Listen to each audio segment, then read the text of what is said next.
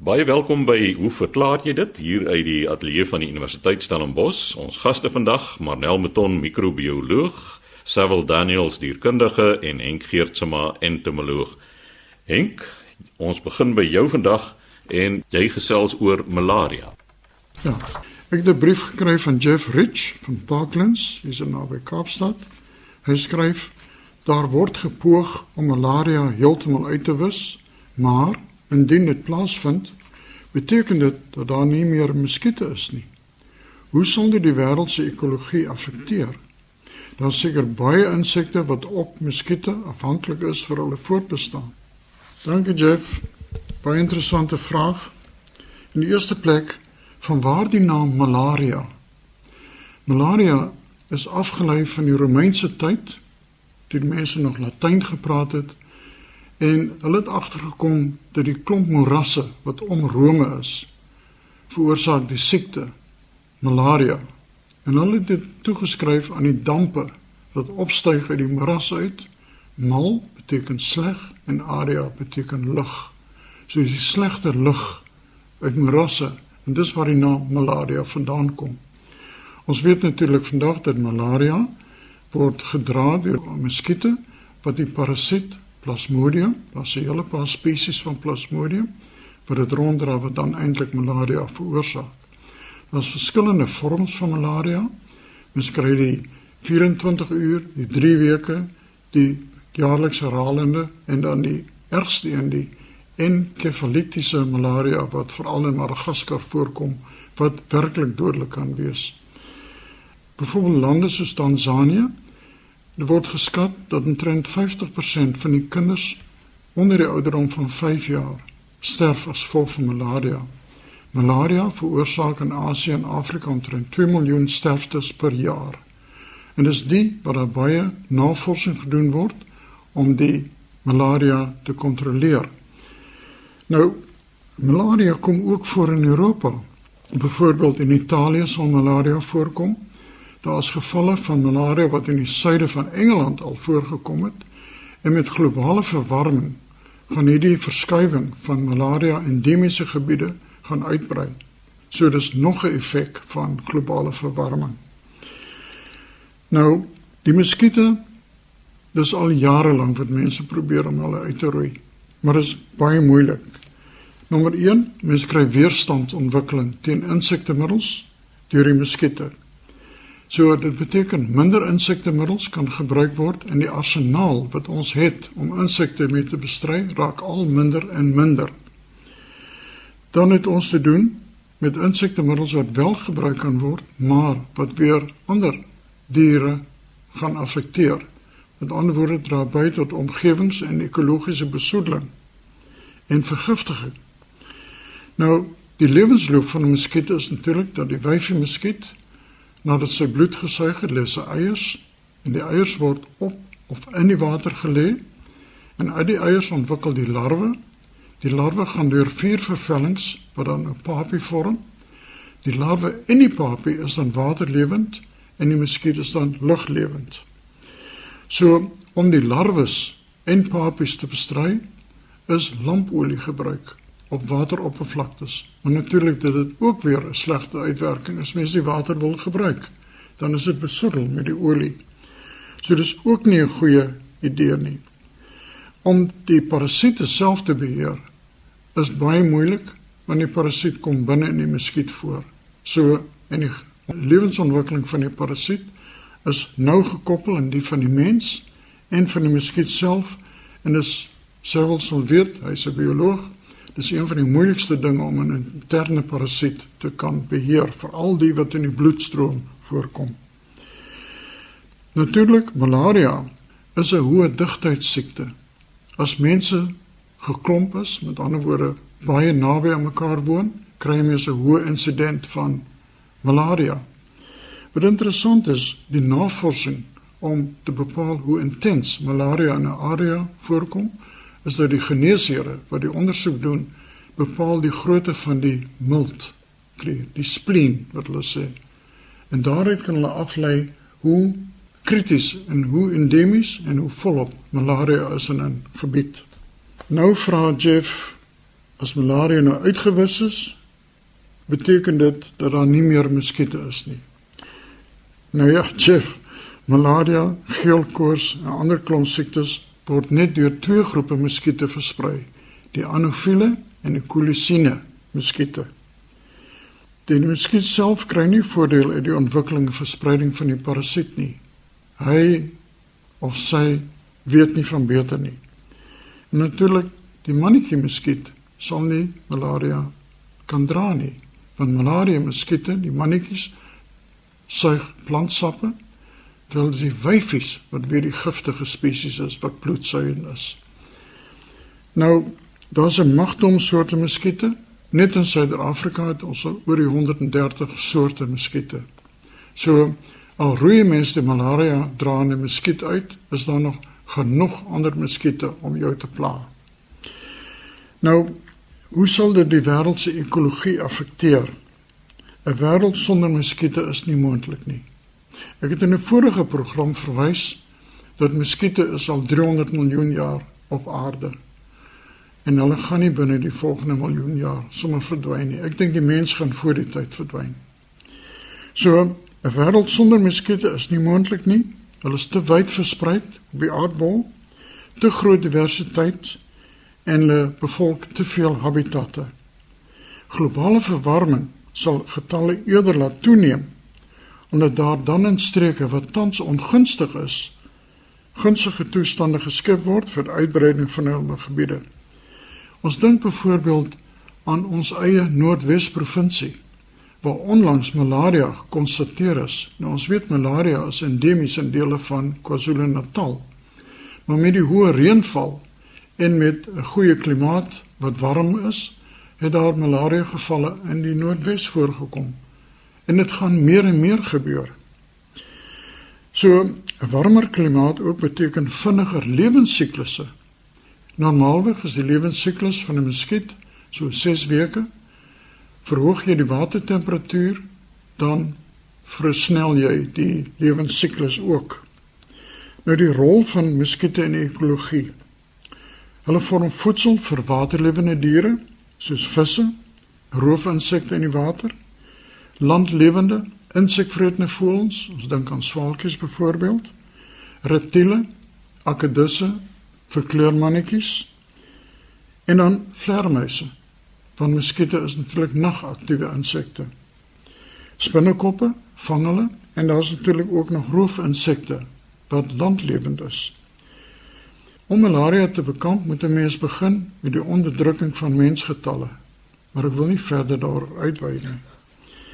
Maar die mens self is verantwoordelik vir die toename van muskietgetalle en verspreiding. Geelkoors in Brasilië het nooit voorgekom daar nie.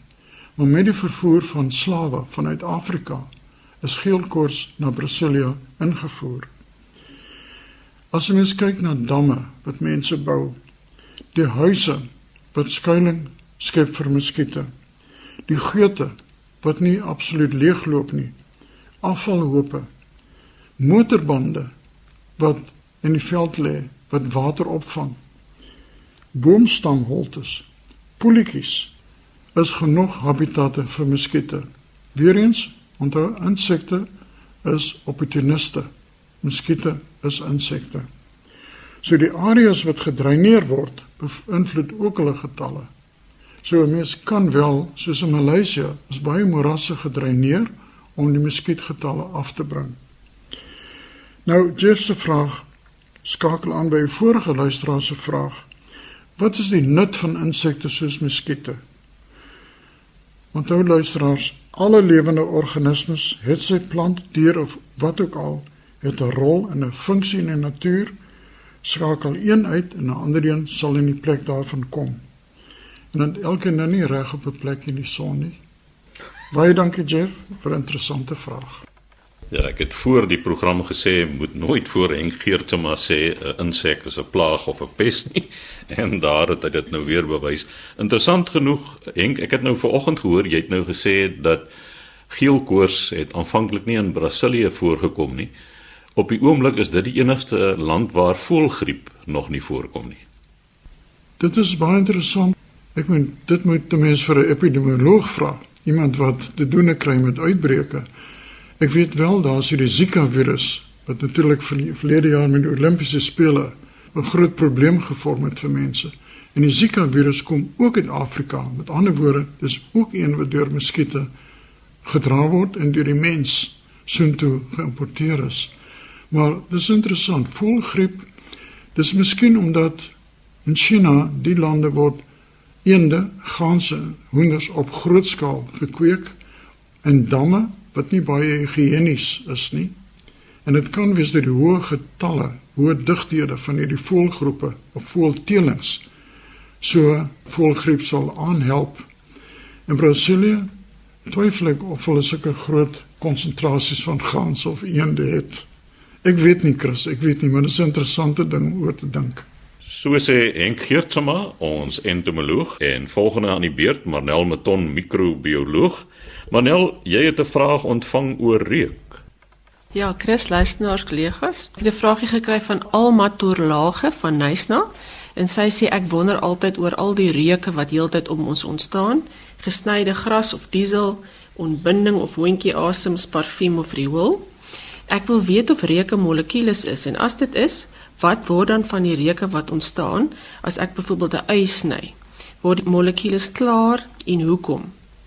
Nou net so oor die algemeen 'n reuk of 'n geur is die gevolg van een of meer vlugtige chemiese verbindings of molekules wat waargeneem kan word deur mense of diere as 'n ervaring van reuk of olfaksie. Nou reukpersepsie is 'n oersin en die waarneming van geur en reuke in diere en in selfs in mense word geassosieer met plesier as jy nou dink aan om 'n roos te ruik. Dit kan selfs waarsku teen gevaar en diere help dit natuurlik om 'n maat te vind en so ons weet almal diere het 'n baie goeie reuksin, maar in vergelyking met hulle het mense 'n verrassende goeie reuksin en daar word geskat dat ons 'n verskeidenheid van ongeveer 10000 verskillende reuke kan onderskei en sommige studies beweer dat hierdie syfer selfs hoër kan wees. So hoe ruik ons dan? Wel, ons ruik iets wanneer die molekules afkomstig van 'n spesifieke voorwerp, en nie alle voorwerpe gee hierdie molekules af nie, maar as ons byvoorbeeld dink aan 'n roos, dan verdamp hierdie molekules en ons in ons neusholtes neem spesiale olfaktoriese senuweeselle daaraan waar en aktiveer 'n sein wat dan ons brein gestuur word. Nou hierdie olfaktoriese senuweestelle word gevind in die olfaktoriese epiteel wat in ons neusholtes is en in mense beslaan hierdie 'n uh, oppervlak van ongeveer 2.5 vierkante sentimeter. Maar dit bevat ongeveer 50 miljoen reseptorselle. Nou as ons dit vergelyk met iets soos 'n snuffelhond, dan weet ons hulle kan baie goed ruik. In vergelyking met ons 2.5 vierkante sentimeter het hulle 'n area van omtrent 60 vierkante sentimeter wat omtrent 300 miljoen reseptorselle bevat. Nou elkeen van hierdie het dan reseptore en hulle het 'n baie spesifieke vorm om 'n baie spesifieke molekuul te kan bind of ontvang, baie soos 'n sleutel en 'n slot. Nou die vlugtige molekules wat nou van hierdie voorwerp soos byvoorbeeld die roos afkom, bind dan aan hierdie reseptore en dit kan dan 'n elektriese sein genereer. Die sein word dan weer gelei deur die senuweeselle na die olfaktoriese bol wat deel is van jou limbiese stelsel en hier begin die brein dan die sein of die ervaring van die reuk te interpreteer en dit koppel dit gewoonlik aan vorige ervarings as ook inligting oor die moontlike bron van die reuk. Nou interessant genoeg word hierdie olfaktoriese inligting ook verder verwerk deur 'n ander deel van die sentrale senuweestelsel wat ook verantwoordelik is vir die beheer van emosies, gedrag en selfs basiese denkprosesse. So daarom is reuke en geure vir baie keer vir mense selfs emosioneel. Nou die reuksensasie hang baie af van die konsentrasie van hierdie molekules vir die vlugtige molekules wat nou teenwoordig is.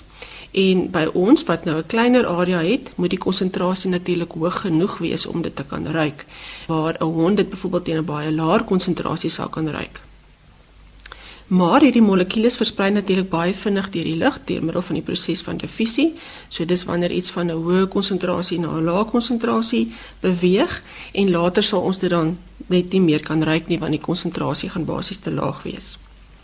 Nou 'n enkele reuk word gewoonlik herken deur vele van hierdie reseptore in hierdie olfaktoriese epiteel nou nou en verskillende reuke word herken gewoonlik deur kombinasies van hierdie reseptore.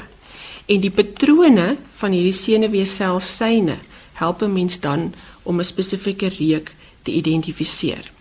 So die olfaktoriese stelsel interpreteer is nie gewoonlik 'n enkele verbinding nie, maar eerder mengsels daarvan. En vir die meeste mense soos ons gee die ervaring van 'n reuk dis nie veel inligting oor individuele bestanddele nie. Maar interessant genoeg, professionele mense op hierdie gebied soos byvoorbeeld parfuum en wynmakers kan met opleiding wel uiteindelik leer om individuele molekules in mengsels te kan onderskei. So kom ons praat nou 'n bietjie oor die die ui en 'n naverwante plant ook knoffel, daai reuke wat ons van hulle kry. So wanneer mense 'n ui vat, dan ruik dit nie danig na veel voor mense hom begin sny nie. Nou wanneer ons die ui sny, dan of die knoffel sny, dan beskadig ons nou hierdie selle en dit veroorsaak dan die vrystelling van hierdie ensieme en ook sekere verbindings. Nou die een verbinding wat vrygestel word is alliin en dit word baie vinnig afgebreek deur 'n ensiem met die naam allinase. En dit word afgebreek na 'n spesifieke sulfaansuur en 'n ander ensiem breek hierdie dan weer af na sin propantiol S-oksied. Nou hierdie uh, molekuul is vlugtig van aard en hierdie gas versprei baie vinnig deur die lug en on, ongelukkig affekteer dit ook dan nou die sensoriese senuweeselle in jou oë en dit dit veroorsaak daardie intense brandsensasie. En hierdie hele proses van al hierdie chemiese reaksies duur maar omtrent 30 sekondes voor ons oë gewoonlik begin agterkom dat hier 'n 'n vlugtige gas in die, in die lug is of molekuul is. Nou knoffel is dieselfde storie en die alles sien is gewoonlik wat ons dan nou assosieer met hierdie vars knoffelgeur. En interessant genoeg is dit ook hierdie molekules wat die knoffelplant dan gebruik om homself mee te beskerm teen insekte en ook fungi. Alesien is egter nie baie stabiel nie en word ook baie vinnig afgebreek deur ander ensieme na ander swaalbevattende organiese molekules en daarvandaan kry ons hierdie sogenaamde knoffelasem en party van hierdie verbindings is ook redelik lankdurend en um, kan tot so lank as 24 uur voortduur en dis hoekom mens baie keer selfs die oggend daarna nog voel dat jy knoffel geëet het. Nou 'n ander interessante voorbeeld is die onmiskenbare reuk van vis en spesifiek seevis. Nou hierdie reuk is vir baie mense erg afsittend en dit klou natuurlik ook aan mense hande as mens met hierdie vis gewerk het. Nou die chemiese verbinding hier betrokke word verbind met die natuurlike habitat van hierdie visse en dis natuurlik seewater. Nou om te keer dat hierdie diere nie dehidreer in die soutwater nie, bevat hulle selle osmoliete soos trimetilaminoksied En hierdie verbinding self is reukloos, maar sodra jy die vis vang en uit die water haal en die vis sterf, dan begin 'n reeks ensieme en ook bakterieë om hierdie trimetilaminoksied chemies af te breek. En een van die afbraakprodukte is trimetilamin en dit is hierdie verbinding wat dan vir ons so seevis ruik. So interessant genoeg kan ons ook hierdie gebruik as 'n goeie indikator van hoe vars die vis is. So hoe sterker die vis reuk, hoe langer is die vis reeds uit die water en dood. Met ander woorde, varsgevangde seevis behoort nie so erg visagtig te ruik nie. En dan net ter afsluiting, baie mense het al gestem en daar was al eksperimente oor, oor wat nou eintlik die stinkste molekules op die planeet is. Almal van hulle bevat natuurlik swaal gewoonlik soos wat ons in daai regte vrot eier of vrot eiereek kry. En een van die wat die meeste stemme gekry het was sogenaamde butylselenomercaptan en dit is 'n natuurlike molekuule wat deur muisonde geproduseer word of die Engelse woord skunks en hierdie molekuul is redelik langlewend dit kan 2 tot 4 weke vat voordat daai reuk verdwyn. En dan 'n ander interessante voorbeeld was 'n produk wat sinteties vervaardig was deur 'n mengsel van 5 bestanddele met 'n swaal basis wat gemeng is wat glo ryk soos vrot vleis en die produk se naam was Who Me en dit is gesintetiseer vir die Tweede Wêreldoorlog. So dit was eintlik 'n wapen wat die Franse weerstandsvegters gebruik het om die Duitse soldate mee te spuit. Maar dit het blykbaar nie so goed gewerk nie omdat die persoon wat die spuitwerk gedoen het baie keer getref was deur hierdie reuk en dan nou ook vir hoe lank soos hierdie vrot vleis geruik het. So dit het nie baie lank geduur nie. So mense kan baie lank praat oor hierdie molekules. Daar's baie interessante stories daaroor. Wat vir my interessant is, byvoorbeeld daar sekere plante wat sekere mense kan ruik en ander nie. So reuksin is baie keer baie selektief. Die ander ding wat my interesseer van reuk is natuurlik baie reuk gee vir jou 'n plesierige sensasie en die ander een is 'n repulsiewe sensasie. Word die reuk dan geassosieer met iets wat in jou verlede gebeur het? Kan jy miskien 'n bietjie uitwy daaroor?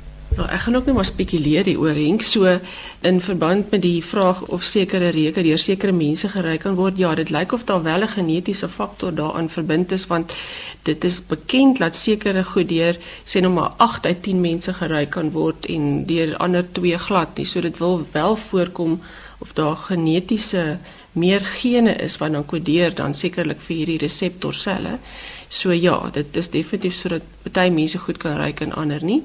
En dan jou tweede vraag was oor die die sensasie wat die sensasie van reuk. So ons het nou nog gesê dat sekere dele van jou brein dan nou hierdie interpreteer en ek dink definitief dit het te doen met miskien emosionele reuke as ons dink daai vars springmielies reuk laat jou ontfliek dink so dis 'n goeie sensasie maar miskien is dit dan die teenoorgestelde en ek dink ook sekere reuke sal jou natuurlik waarsku teen gevaar so ons het miskien instinktief ook weet seker goed is nie goed vir ons nie en daarom sal ons dit as repulsief dan beskou. So sê Manel Meton, microbioloog. Nou Manel, jy het verwys na mense wat moes stem oor sekere reuke. Nou ek kan vir jou sê stinkmuishond is definitief nie my gunsteling nie. Ons het as kind 'n skaaphond, 'n border collie soos hulle ook bekend staan gehad. En op een of ander manier het hy gereeld met 'n stinkmuishond onder ons gehad. Jy kon hom bad waarmee jy wil, so dikwels as jy wil, daai reuk het gebly.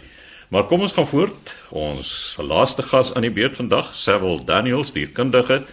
En Sewil, 'n luisteraar is baie dronk geslaan deur die feit dat Bobbejane alwyne eet en dan wil iemand ook weet hoekom draai honde in die ronde voor hulle gaan lê.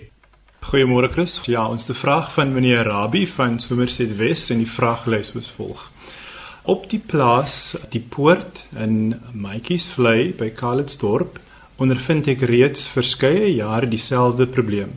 Naamlik dat bobbejane die kern van die aloes plante uitbreek en dikwels sommer al die ander blare ook. Dit veroorsaak dan gewoonlik dat die plante dood. Dit gebeur op 'n redelike groot skaal en is erg verontrustend. Meneer Rabbi, ek het nou 'n bietjie navorsing gedoen oor hierdie probleem en dit lyk wel of hulle soortgelyke probleme ervaar in die Noord-Kaap. Professor van Wyk stel voor dat die hoofrede hiervoor is gewoonlik dat die bobbejane honger is en dat hulle die blare van die aloes dan nou sal probeer vermy. Die hoofrede daarvoor natuurlik is die blare het gewoonlik dorings aan hulle wat redelik skerp is maar uit 'n biologiese perspektief uit bevat die blare ook gewoonlik 'n redelike hoë hoeveelheid uh, fitochemikalieë, met ander woorde sekondêre plantchemikalieë wat die blaar self gewoonlik redelik bitter sal maak vir die bobbejaan om te vreet. So hulle sal aktief probeer om die blare self dan nou te probeer vermy en dan liewer die kern te eet. Wat tog interessant is van die navorsing wat deur professor van Wyk gedoen is, stel dit voor dat alhoewel dit op die oog af lyk of die impak van die bobbejane redelik negatief is, het hy wel opgelet dat baie van die plante kan wel weer groei ongeag van die feit dat dit lyk of die bobbejane die plant totaal verniel. In jou geval moet 'n mens natuurlik kyk op die plaas self, wat is die draagkapasiteit van die plaas ten opsigte van die hoeveelheid bobbejane wat hulle dan nou kan hê. Ek meen ek weet nie of jy byvoorbeeld weet wat die digtheid van die bobbejane is op die plaas nie. Jy gee ook nie indikasie van of hierdie patroon 'n seisonale patroon is nie. Met ander woorde, gaan hulle doen hulle dit net in die somer wanneer dit baie droog is of doen hulle dit net in die winter nie want dit kan ook natuurlik daar op tyd dat daar gewoonlik 'n gebrek aan kos in die area kan wees wat natuurlik lei dat die bobbejane die plante sou eet. Dan die tweede vraag is van Magil Oberholzer. Die vraag is redelik eenvoudig. Hy vra hoekom draai honde in die ronde voordat hulle gaan lê? 'n Baie interessante vraag, Miguel. My kollegas hier sê die honde dry net in ronde as hulle wil gaan lê nie. Hulle dry sommer in die algemeen baie maar in die ronde, maar maar ten opsigte van jou antwoord, jou spesifieke antwoord oor voor hulle gaan lê, moet 'n mens nou kyk waar die honde vandaan kom, hoe hulle natuurlik sou leef. In 'n moderne konteks woon die honde natuurlik nou by hulle huis byvoorbeeld waar hulle gewoonlik 'n bed of 'n hok of 'n matrasie of 'n kombersie sou hê waarop hulle nou sal lê in die aande voordat hulle wil gaan slaap. Maar natuur sou dit natuurlik nou afwesig wees. So die hoofrede wat hulle dan nou voorstel waarom die honde in die ronde draai, het basies te doen met 'n nesmaak gedrag. Met ander woorde, die dier probeer om vir homself 'n nes te maak in riete of in sagte gras waarop hy dan nou die nag kan deurbring. Jy sal ook oplet dat gewoonlik voor die dier gaan slaap is hy gewoonlik voordat hy in die ronde begin ry as hy ook 'n krap gedrag wat daarmee gepaard gaan. En dit is natuurlik byvoorbeeld om van die sand ontslae te raak wat nou bo sou lê in die natuur. Byvoorbeeld in die algemeen is die onderste laag van die sand 'n bietjie koeler sodat dit natuurlik om die dier se liggaam af te koel. Die ander idee wat daarmee gepaard gaan is dat daar gewoonlik sent teenwoordig is of sentkliere liewer tussen die kussings by die dier se pote. Mense het dit baie in die algemeen byvoorbeeld by die groot katte wanneer hulle byvoorbeeld die bome bekrap. So dit help ook natuurlik om die gebied, die tuiste gebied waar die dier voorkom te merk. En die derde en laaste idee hieroor is dat die diere dit gewoonlik doen net uit pure genot uit die krap aspek wat dan nog gepaard gaan met hierdie in die ronde gedraaiery. 'n Baie interessante vraag Michiel oor hoekom die honde nou in die ronde draai voor hulle gaan slaap. Is dit hoekom hondemandjies rond is? ek nee, ek dink pragtig nie so nie want die honde hok is gewoonlik rond. Ehm, um, maar jy sal tog sien dat die by by honde doen dit as hulle op hulle kussing gaan lê nou in die aand. Hulle draai 'n paar keer en dan begin hulle hierdie krap gedeelte. Maar nee, dit is werklik nou hoekom die mandjie rond sou wees nie. Nou ja, so sê Sewil Daniels, ons dierkundige, die tyd het ons ingehaal. Skryf gerus aan ons by hoe verklaar jy dit? Posbus 2551 Kaapstad 8000 of stuur 'n e-pos aan chris@rsg.co.za